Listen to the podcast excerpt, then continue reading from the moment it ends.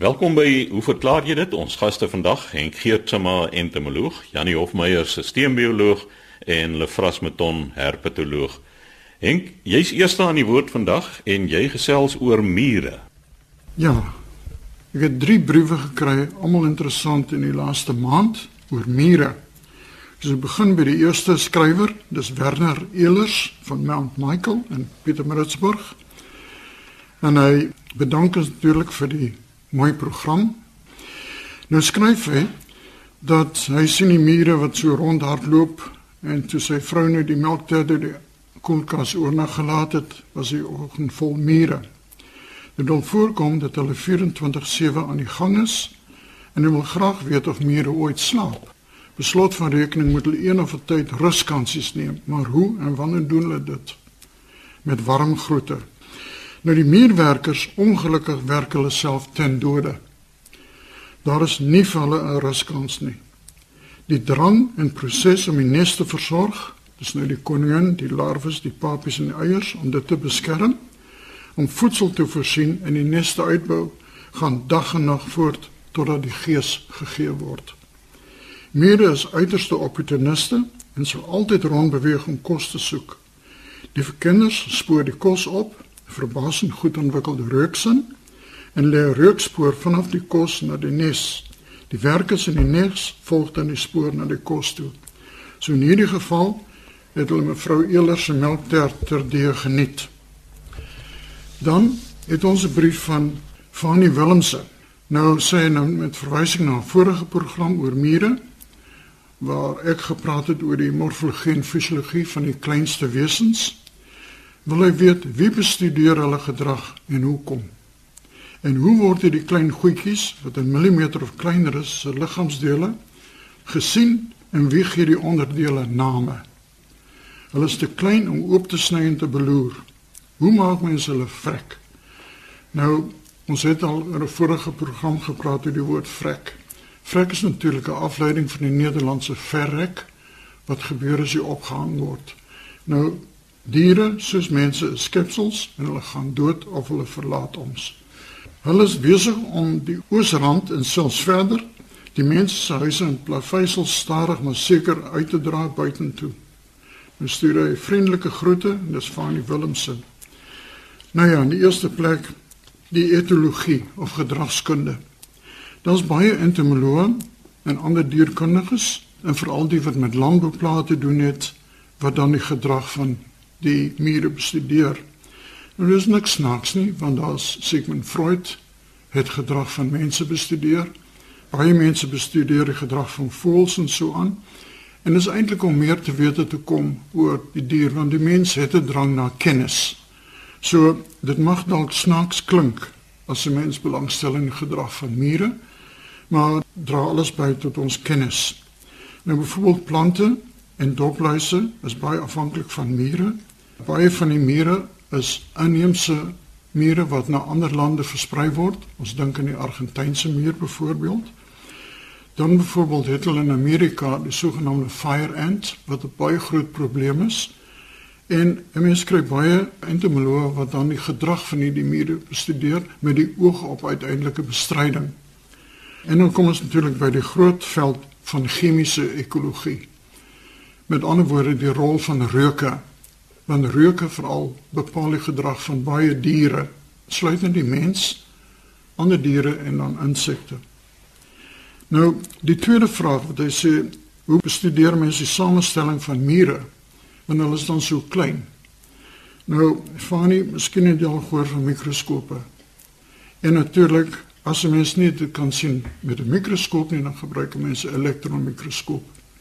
Nou, elektronmikroskoop kan vergroot baie maklik tot op 200 000 keer die skaal. Mens kan die fynste fynste strukture kan 'n mens dan op die fotos of beelde sien. Dan sê hulle is te klein om oop te maak en te beloer. Nou van in daardie wetenskap wat bekend staan as mikrosnykunde. En een van die beste voorbeelde wat 'n onlangse ontwikkeling is, is die Da Vinci masjien wat gebruik word in chirurgiese operasies waar die chirurg dan sogenaamde makromanipuleer om mini aksies te kan uitvoer. Met ander woorde, hulle kan jou blinde darm verwyder deur net 'n klein gaatjie in jou maag te maak. Dit word gedoen met 'n Da Vinci masjien. Met ander woorde, 'n mens kan sulke mure kan 'n mens wel oopmaak. Byvoorbeeld, in by heuningbye is dit baie bekend by die heuningbye koninginne kan die sperma van die mannetjie met gewone chirurgiese tegnieke oorgedra word na die eierstokke van die koningin bye. So, dis niks snaaks vir ons nie. Jy moet net 'n baie vaste hand hê. Henk in die ou dae het hulle ook seker baie van histologie gebruik gemaak, net wat hulle mikroskoopsnitte gemaak het. Heeltemal korrek. Die ding is, ons het tot onlangs nog in ons departement het ons um, jy neem 'n insek, jy fikseer dit in sekere chemikalieë en was en dan maak jy fyn snitte daarvan met 'n mikrotoom. Die snitte is van 4 tot 7 mikron en die word dan in 'n reeks geprojekteer en op dië manier kan 'n mens dan die verskillende strukture agterkom as jy hierdie klomp snitte agter mekaar projekteer. Nou wat ook interessant is, sekere strukture, byvoorbeeld die hart of die senuistelsel of die nierstelsel van insekte, reageer verskillend op kleurstowwe soos mense dan die snit kleur en jy sit dit op 'n glasplaatjie en jy projekteer dit, kan jy baie sien hoe is die verloop van die spierstelsels, senuistelsels ensovoorts in 'n insek. Dis 'n gespesialiseerde wetenskap, maar dit word gedoen. Nou sê, waar kom die onderdele se name vandaan? Nou, die onderdele van enige organisme is natuurlik 'n geografiese verwysingsraamwerk. Hoe die mens byvoorbeeld, praat ons van die kop wat eintlik in Latyn 'n kaput is en dan die thorax en die abdomen. Nou hierdie is natuurlik Latyns-Griekse terme wat algemeen deur morfoloë of mense wat die anatomie en morfologie bestudeer gebruik word. Nou die term is al van vroeg af van Aristoteles se dae en miskien nog voorheen gebruik om verskillende wesens se morfologie en anatomie te beskryf. Hoekom die terme meesal Latyns is, is omdat van omtrent die 14de eeu aan was die wetenskaplikes in Europa het 'n gemeenskaplike taal gehad Latyn. En hulle het mekaar gekorrespondeer en gekommunikeer deur gebruik te maak van die taal. Met die gevolg dat byvoorbeeld as mens kyk na jou boordybeen, die Latynse naam vir daardie been is 'n femur. Nou mens kry dan ook 'n femur by insekte. Met ander woorde, baie van die menslike anatomie se strukture se benamings is dan oorgeskuif na die van insekte. Maar natuurlik kry mense 'n bietjie 'n probleem se nou en dan, want waar ons been byvoorbeeld staan, bestaan nie die bobeen, die onderbeen en 'n voet, is dit by insekte bestaan dit uit ten minste 6 dele. So dit moet 'n bietjie aangepas word. Dan, hoe maak 'n mens hulle dood? Wil 'n mens wil 'n mens werklik mure doodmaak. Hulle speel 'n baie belangrike rol in die ekologie. Hulle maak baie natuurlike vyande. Byvoorbeeld tuinpla sal hulle uitroei. 'n Risper gaan nie lank kans kry om 'n plant te vreet as daar mure in die omtrek is nie. Hulle belug die grond deurdat hulle in die grond inwerk en byvoorbeeld hulle kan termiete beheer. En ek voel gee hulle ook 'n plek hier in die son. Henk, jy is nou so liries oor al die goed wat hulle doen. Wat se goeie dinge verrig hulle in 'n kombuis? Wel, die ding is uh, soos in hierdie vorige die elers het melktert, hulle geproef die ding reg proe. So hulle het werklik funksie. Nee, ek wil net sê Fani, trouens as die mens van die aardbol verdwyn het en teen die tempo wat dit huidig aangaan, gaan dit nie baie lank nog duur nie sal die mure en kakkerlakke ons oorlewendes wees. So geniet maar die mure solank hulle nog daar is. Om terug te kom na die muurprobleem in die oosrand, waar hulle die plaveisels en so uithol. En mense kan dit dalk toeskryf aan droë toestande. Mure is altyd op soek na water, vog, so hulle grawe diep. Maar die ding is hulle moet nou om te grawe moet hulle van die oorskot sand ontslaa raak. So dis waar nou die plaveisel so nou en dan so 'n bietjie skeef lê. Verdra maar die mure. Hulle doen werklik goeie werk. Ek is glad nie teen die arme insekte nie. Nou nog 'n vraag van Willie Willemse oor die mure. Hy het gesien uit 'n natuurprogram gesien 'n bydrae oor die grasnyer mure. Nou die grasnyeermure sê dan sny met hulle kragtige kake die gras wat te hard is vir ander diere om te vreet. Maar tog eet die mure ook nie die gras nie.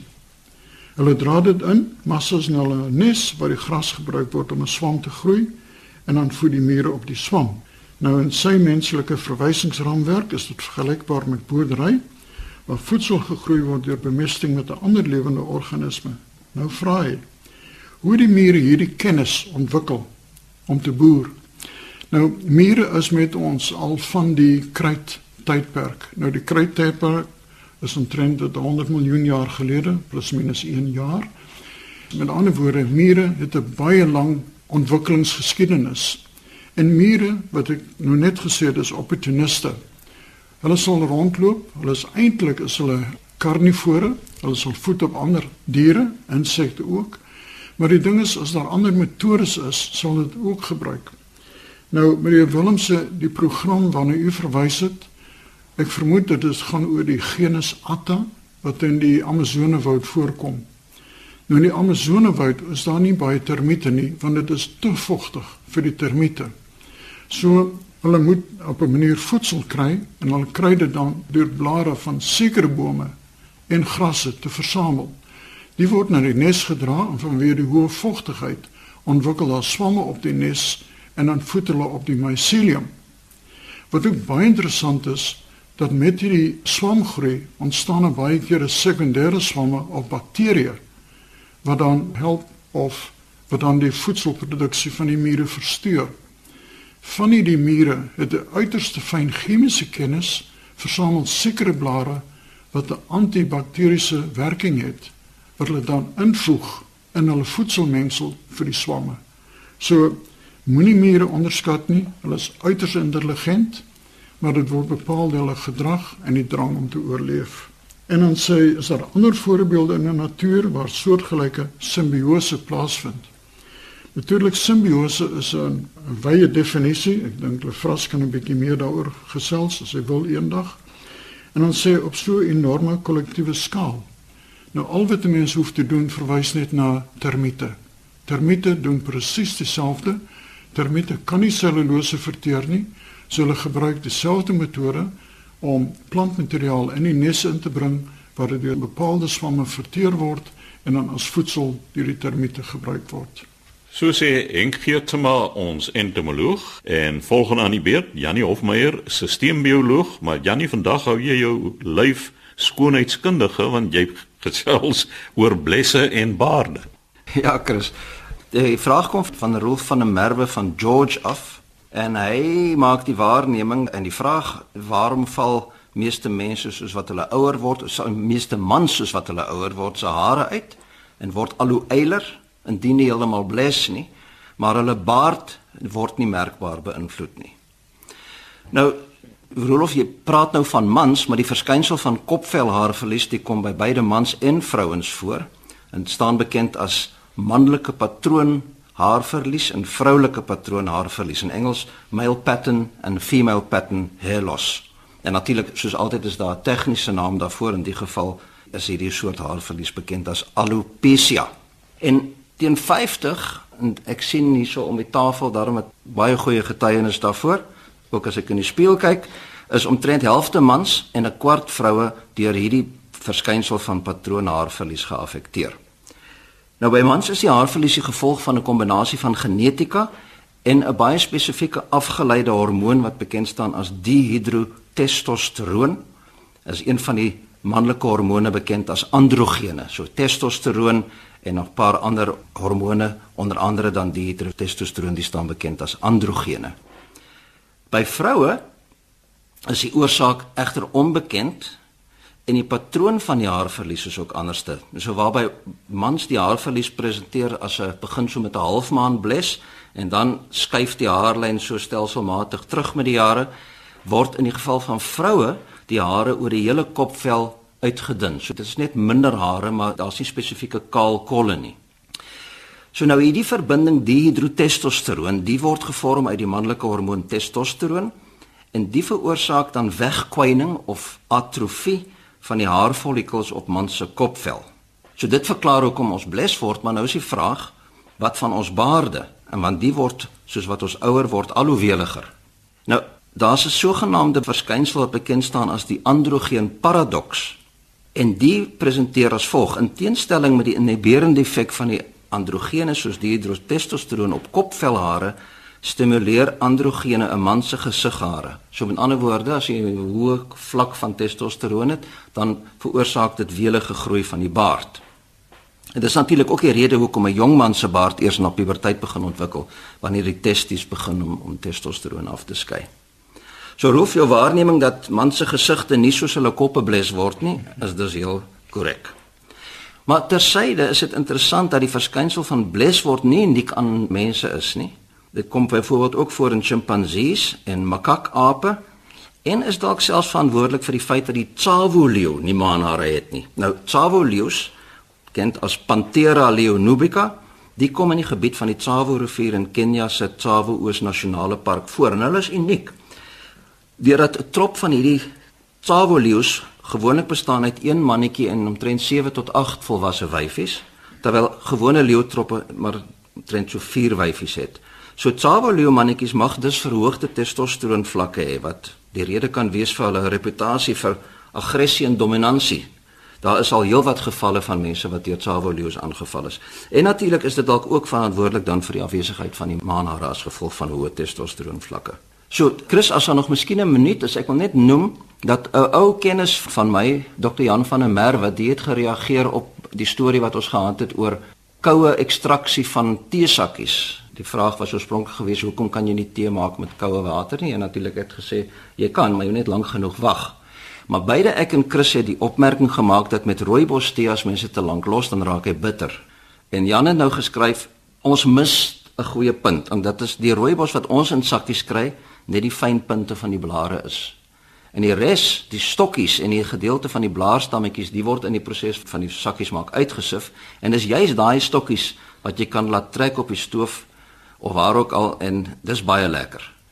Jy kan hom lank laat prut op die stoof en hy word nooit bitter nie. Die boere drink dit gereeld en hulle noem dit stokkies tee. So hy wat Janus sê so volgende keer as ons tee maak moet ons dit nie lank laat trek nie, want dit is nie nodig nie en as ons stokkies tee wil maak sal uh, hy vir ons 'n bietjie stuur om te probeer. So Jan, daar het jy 'n uitnodiging. Ons wil graag 'n monster van die stokkies tee hê sodat ons self kan probeer. So sê Janie Hofmeyer, ons sisteembioloog, laaste aan die woord Lefras Meton. Lefras, ek weet nou nie of dit 'n wollaar storie is nie, maar jy het 'n sewe koppige slang daar. Chris Japie Pelser het 'n foto gestuur. Hy sê ek het hierdie foto 'n tyd gelede van iemand ontvang. Miskien kan julle een van julle kenners om kommentaar nader. Hy meen die foto is waarskynlik in Indië of Pakistan geneem en dit is 'n foto van 'n massiewe slang en hy het sewe koppe en daar aan die kant van die pad staan 'n klomp mense met kameras en goed en hulle neem nou hierdie slang af en ja die omgewing lyk of dit is definitief 'n woudagtige gebied en dit lyk of dit daar in Indië of Pakistan kan wees. Nou ek het voor die opname vinnig van die ander spanlede die foto gewys en almal het dadelik half gelag want ja, dit is baie beslis 'n gedokterde foto en uit 'n biologiese oogpunt is dit baie maklik om daardie afleiding te maak as mens kyk na die grootte van die slang Dit is 'n massiewe slang, so hierdie slang moet baie suksesvol wees om te eet. Maar nou is daar hierdie sewe koppe.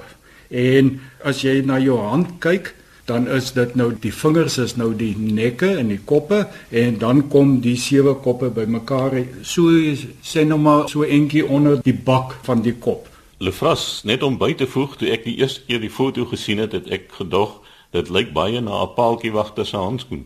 Ja, dit lyk soos 'n handskoen. Dit beteken dat elkeen van hierdie koppe het 'n brein waarskynlik. En nou dink ek nou net as hierdie koppe nou 'n muis of 'n dingsie wat nou moet geëet word, hoe word hierdie senuweestelsel nou gekoördineer want al vyf koppe kan sekerlik nou nie gaan of kan hulle. Ek glo nie dit gaan werk nie. En natuurlik so entjie onderkant die nek kom hierdie koppe nou bymekaar so al daardie senuwee stelsels beheer nou een lang lyf. So die een dink nou ek wil nou seil en die ander kop dink nee ek wil nou slaap. Dit is dit fisies onmoontlik. En as 'n mens so na die koppe kyk, al sewe koppe is presies dieselfde. Hulle kyk in dieselfde rigting, hulle het dieselfde vlekkie op presies dieselfde plek, so dit is 'n gedokterde foto. Kyk, ek dink die verklaring is baie eenvoudiger. Daar's sewe koppe en elke kop vreet op 'n bepaalde dag van die week. ja, dit kan werk, maar dan moet hulle nou nog altyd besluite neem watter kop vir watter dag. Ek wil dit nou nog sien hoe hulle dit gaan uitwerk. In elk geval, Chris, as ek dan nou so kyk, hier's nou en ek twee belangrike goed, maar kom ons praat net gou vinnig oor die slang. Uh, dit is heel waarskynlik 'n koningskobra in Afrikaans en hierdie slang is natuurlik wêreldwyd bekend as die grootste giftige slang wat ons kry. Hy kan tot 5 meter lank word. Nou as jy 5 meter aftree, dit is baie lank. En natuurlik in Indië en in daardie dele is digbevolkte wêreld en so daar is waarskynlik maar redelike oor jare het die slang maar redelike reputasie ontwikkel. Hy is baie giftig en hulle sê hy's baie aggressief, maar later jare het die mense agtergekom hulle is nie so aggressief nie.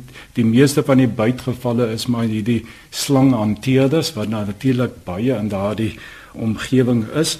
Net om die slang se lengte in perspektief te stel, die swart mamba hier in Suid-Afrika word so 2 meter, net so oor die 2 meter lank. Die grootste, die Kaapse kobra is maar hier 1 en 'n half meter. Hy lyk altyd baie groot, maar is glad nie so groot slang nie. Hierdie koningskobra vergelyk amper baie met die luislange. Ons weet die luislange en die anakondas, hulle kan 8 meter, 10 meter word. So hierdie is 'n baie groot slang. Wat hom interessant maak is hy is 'n daglewende slang en hy eet ander slange. Dit is vreemd dat hy nou so groot is om ander slange te eet wat eintlik maar baie kleiner is. Die naam Ophiofagus, dit is nou die genusnaam Ophio verwys na slange en fagus eet so slangetende slang. As hy nou nie genoeg kos kry nie, dan sal hy seker nou 'n akkedissie of 'n muis ook eet, maar slange is sy hoofvoedingsbron. Die koningskobra is baie bekend vir die interessante broeigedrag. Die wyfies, dit is van die min gevalle by reptiele, die wyfies sal 'n klomp blare soort van bymekaar druk met haar lyf en dan die eiers in daardie hoop plantmateriaal lê en dan sal sy by die eiers waak totdat daardie kleintjies uitgebroei is. So 'n soort van 'n ouer sorg wat mens eintlik by soogdiere voorskry hieso is van die min reptiele wat dit dan ook vertoon. Ja, 'n uh, tweede belangrike punt om hier af te sluit is hierdie is net nog 'n voorbeeld van huidige tye die vals inligting wat oral versprei word. Ek dink dit is werklik 'n massiewe probleem want almal gaan op die internet. As jy iets wil weet voor jy dokter toe gaan, jy gaan nou gou Google al die knieprobleme en dan kom jy aan hierdie grys tipe literatuur en dan vertel jy vir die spesialis of die dokter, luister, dit is wat fout is met my, maak reg. En ek dink dit gaan net al hoe erger raak. Jannie, jy's jy ja. Daar vras daar selfs nou 'n polities korrekte term daarvoor, naamlik alternatiewe feite. Uh, ons het dit sommer net nonsens genoem. ja, dit is nou met die politieke partye versprei ook mos dit is deel van die strategie om hierdie valse inligting in koerante te versprei. So Japie om op te som, nee, dit is maar net nog een van daardie en 'n swak voorbeeld, maar mens skryf baie keer uitstekende van hierdie gedokterde fotos laat jy werklik jy moet onder 'n mikroskoop gaan kyk om te kan sien of dat hy gedokter is. Ek wil net byvoeg mens moet maar alles wat mens op die internet kry of by e-pos ontvang moet jy maar versigtig hanteer. So sê Lefras Meton, ons herpetoloog. Daarmee het die tyd ons ook ingehaal. Skryf gerus aan ons by hoe verklaar jy dit posbus 2551 Kaapstad 8000 of stuur 'n e-pos aan chris@rsg.co.za